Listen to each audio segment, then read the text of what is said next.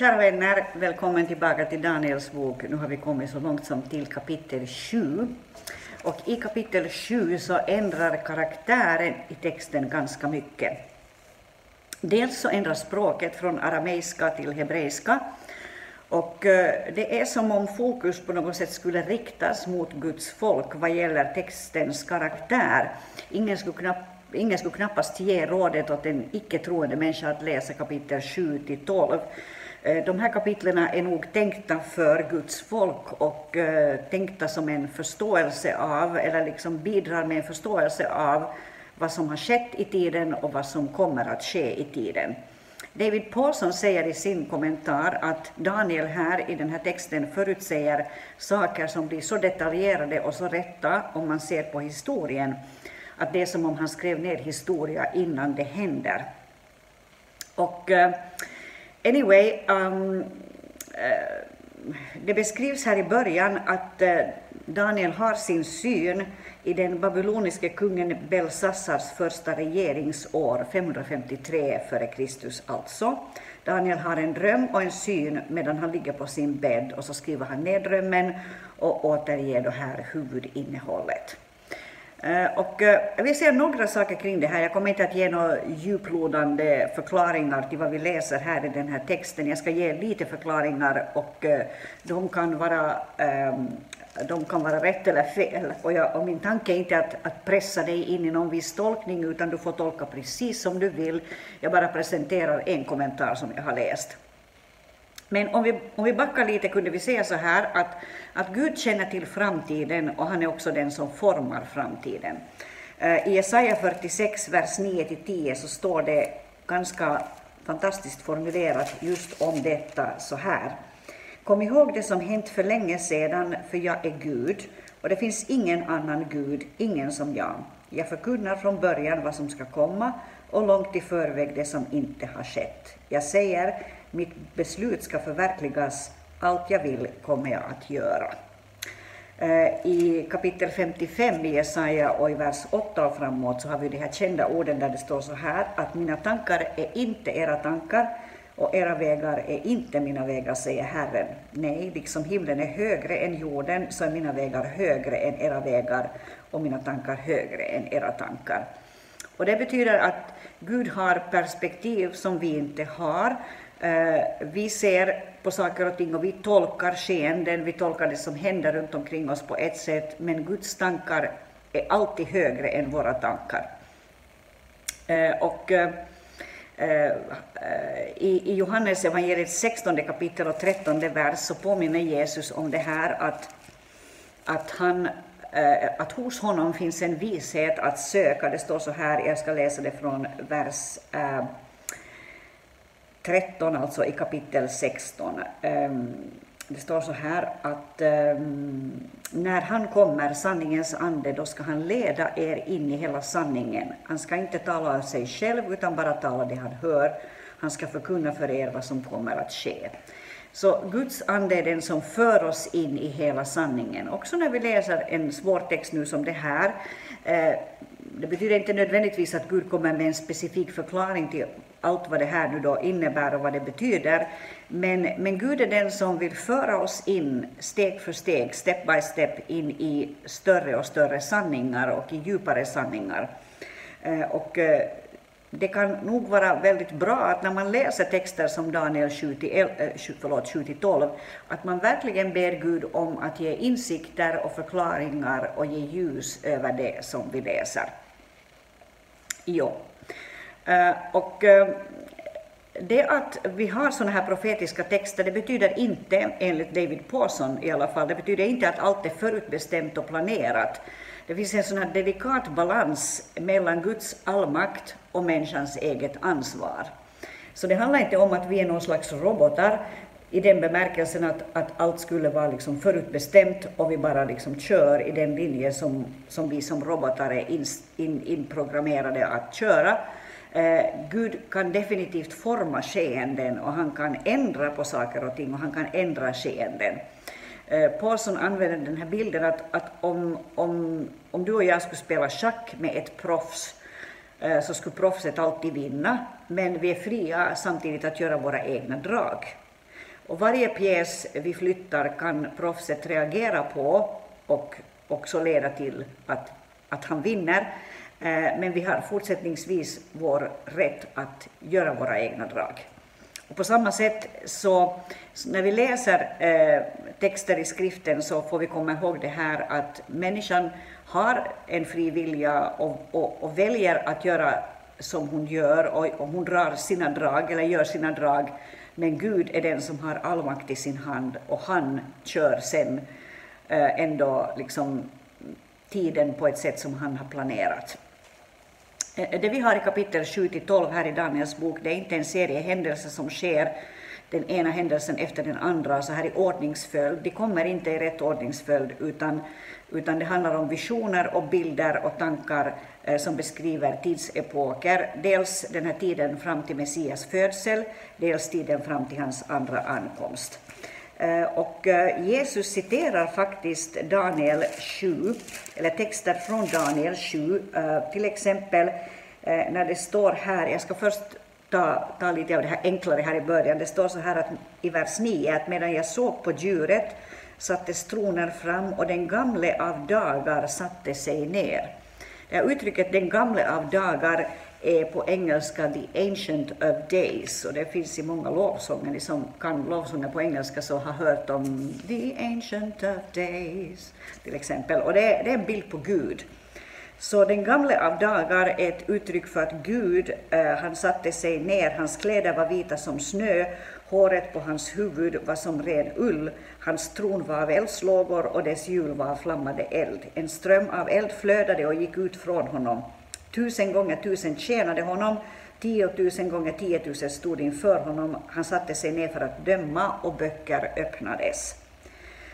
Uh, och uh, så står det lite senare, i min syn om natten, nu är jag vers 13, i min syn om natten såg jag och se en som liknade en människoson kom med himlens skyar. Han närmade sig den gamle och fördes fram inför honom, alltså den gamle av dagar. Åt honom gavs makt och ära och rike och alla folk och stammar och språk ska tjäna honom. Hans välde är ett evigt välde som inte ska ta slut och hans rike ska inte förstöras. Så det är en beskrivning av Jesus Kristus och i Matteus 24 och vers 30 så har vi eh, Jesus som citerar exakt den här texten från Daniel 7. Jag ska läsa det för er alldeles snabbt. Matteus 24 och vers 30, där står det så här att Eh, då ska Människosonens tecken synas på himlen och jordens alla folk ska jämra sig när de ser Människosonen komma på himlens moln med stor makt och härlighet. I 26 och 64, alltså i Matteus 26 och 64 så står det så här. Uh, låt mig se. Mm. Jesus sa till honom, du själv har sagt det, men jag säger er, härefter ska ni se Människosonen sitta på maktens högra sida och komma på himlens moln. Så det här vi läste från Daniel 7 om att han kom på himlens moln, det är det som Jesus citerar också här. Eh, och det finns också i eh, Markus 13 och 26 ett citat av Jesus som är kopplat till eh, till samma Daniels bok. Det står så här att eh, då ska ni se Människosonen komma bland molnen med stor makt och härlighet. Eh, så Jesus citerar Daniel 7 och eh, här i Daniel 7 så beskrivs den gamle av dagar, the ancient of days, och Människosonen, alltså Fadern och Sonen. Det är ganska fascinerande att hundratals år före Jesus sänds till den här jorden så är han beskriven i Daniel 7. Och eh, det är ju härligt bara att tänka så. Det är den Gud vi tjänar. Som, som profetiskt uttrycker saker och eh, som eh, sedan också låter det hända. I det här kapitlet då, det här är det sista jag vill säga, och jag ska inte ge några djupa grejer kring det här, men jag ska bara förklara kort en sak här och eh, du är sen fri att tänka precis som du vill. I det här kapitlet, då, kapitel 7, så ser Daniel fyra djur efter att himlens fyra vindar har rört upp det stora havet. Så beskriver han det. De här fyra djuren han ser är följande. Han ser en, ett lejon med vingar som en örn. Han ser en björn med tre revben i gapet. Han ser en leopard med fågelvingar och fyra huvuden. Och sen till sist så ser han ett skrämmande fruktansvärt djur som har tänder av järn och tio horn. Och en kommentar som jag läste så förklarar det här på följande sätt. Det här första djuret, lejonet med vingar som en örn, eh, var enligt den kommentaren en bild på det babyloniska riket, det som vi egentligen har läst om här i Daniels bok. Lejonet var nämligen en typisk symbol för Babylon, speciellt under Nebukadnessars tid.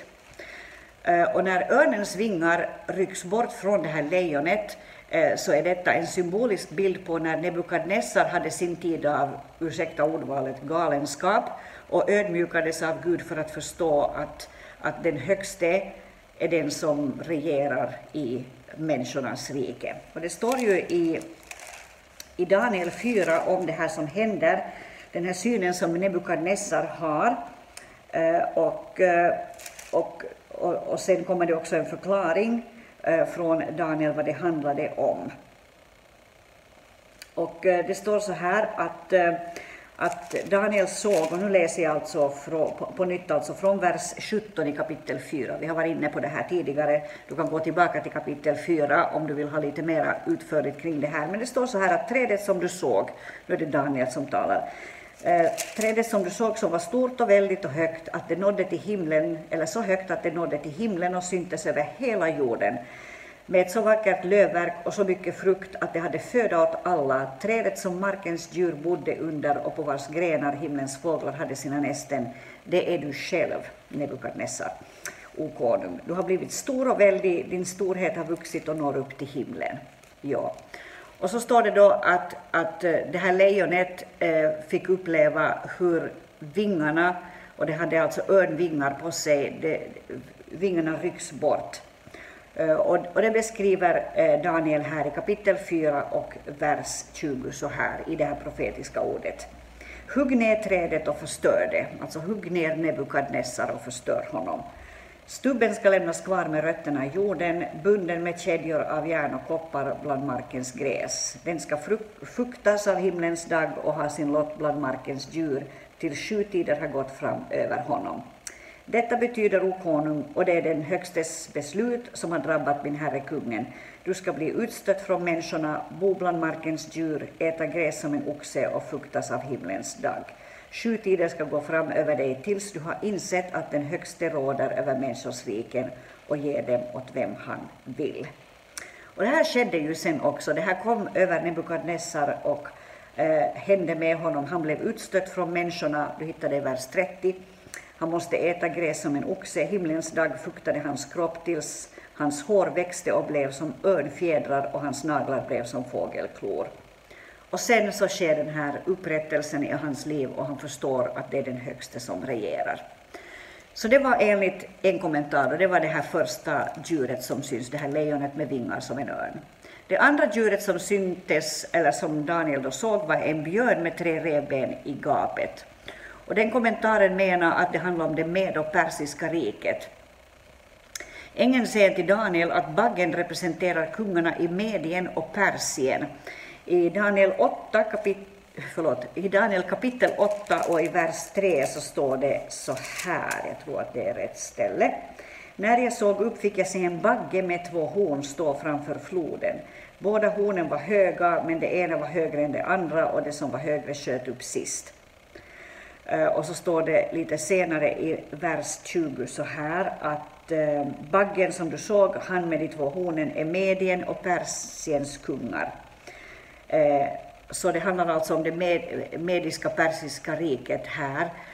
Ett rike som, som räckte i 200 år och som leddes av ett antal kungar, expanderade mot Grekland i väst och mot Indien i öst. Och i ett skede så täckte det persiska riket tre kontinenter, det vill säga Asien, Afrika och Europa. Eh, men också det här riket kom till ett slut. En ny bäst restes i väst och dess tid hade kommit, alltså det blev attackerat och föll. Eh, det var alltså tolkningen av björnen med tre revben i gapet. Eh, den tredje, det, det tredje djuret som nämns här är en leopard med fågelvingar och fyra huvuden. Eh, och eh, här menar man alltså att eh, precis som gällande den andra, det andra djuret, björnen och det, med de tre revbenen i gapet så, så identifieras det här alltså av, av, av Gabriel. Och det står i Daniel 8, 21 och 22 så här om ett delat rike. Vi ska se, det står så här att Ehm, men den raggiga bocken är Greklands kung och det stora hornet mellan hans ögon är den första kungen. Men att det brast och att fyra andra uppstod istället, det betyder att fyra riken ska uppstå av hans folk, men inte med samma kraft som med hans. Och det, det, är alltså fyra huvuden som beskrevs här i bilden i Daniel 7 och här talas om fyra riken som ska uppstå men inte med samma kraft som hans. Eh, leopardens fyra vingar är en bild på hur Alexander den store, eh, han dog 323 för övrigt, eh, alltså efter hans död så delades hans rike i fyra delar. Och han hade alltså rest sig och han tog det persiska riket 334 till 331 före Kristus och efter hans död så delades då hans rike i fyra delar. I Grekland och Makedonien, i Trakien och mindre Asien, i Middle East Asia eh, och i Egypten, Palestina. Det var en kommentar. Sen vad gäller det fjärde djuret då, som är ett skrämmande fruktansvärt djur med tänder av järn och tio horn, eh, så det är då eh, lite annorlunda jämfört med de här andra djuren som har presenterats här. Det har tio horn. Eh, I Daniel 7 och 24 så står det så här om dessa tio horn. Det står att de tio hornen betyder att tio kungar ska uppstå i riket och efter dem ska en annan uppstå som är olik de förra och som ska slå ner tre kungar. Han ska tala mot den högste, alltså mot Gud. Eh, han ska ansätta den högstes heliga, han ska bestämma sig för att förändra heliga tider och lagar och det ska ges i hans hand under en tid och tider och en halv tid. Men dom ska hållas och hans välde ska tas ifrån honom och han ska fördärvas och förgöras för alltid. Men riket, väldet och makten över alla riken under himlen ska ges åt det folk som är den högstes heliga, alltså åt Guds folk. Hans rike är ett evigt rike och alla, alla välden ska tjäna och lyda det. Eh, och eh, eh, det står så här i den här kommentaren som jag läste att den här fjärde besten, eller det här fjärde djuret, eh, så skulle fortsätta med sin makt i över 1500 år till, till slutet på eh, eh, till slutet för det skulle komma genom Jesus Kristus och hans, hans ja, genom Jesus Kristus och hans andra ankomst. Eh, så som vi läste här i slutet på, den här sjunde, på det här sjunde kapitlet. Men det handlar alltså om ett skrämmande fruktansvärt djur med tänder av järn och tio horn.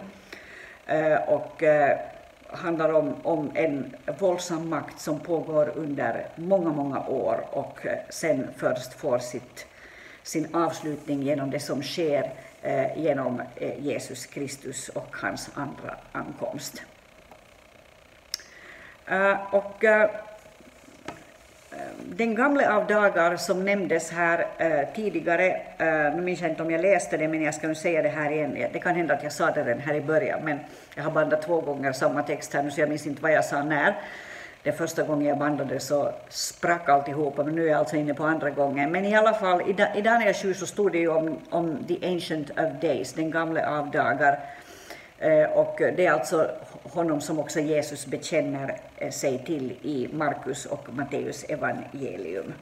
Eh, och jag tror att jag läste de texterna så jag ska inte läsa dem på nytt. Nu har vi tittat lite på Daniel 7. Känn dig fri att, att kolla med andra kommentarer. Det här är inte sagt som amen i kyrkan, utan du är fri att tänka precis som du tänker om det här.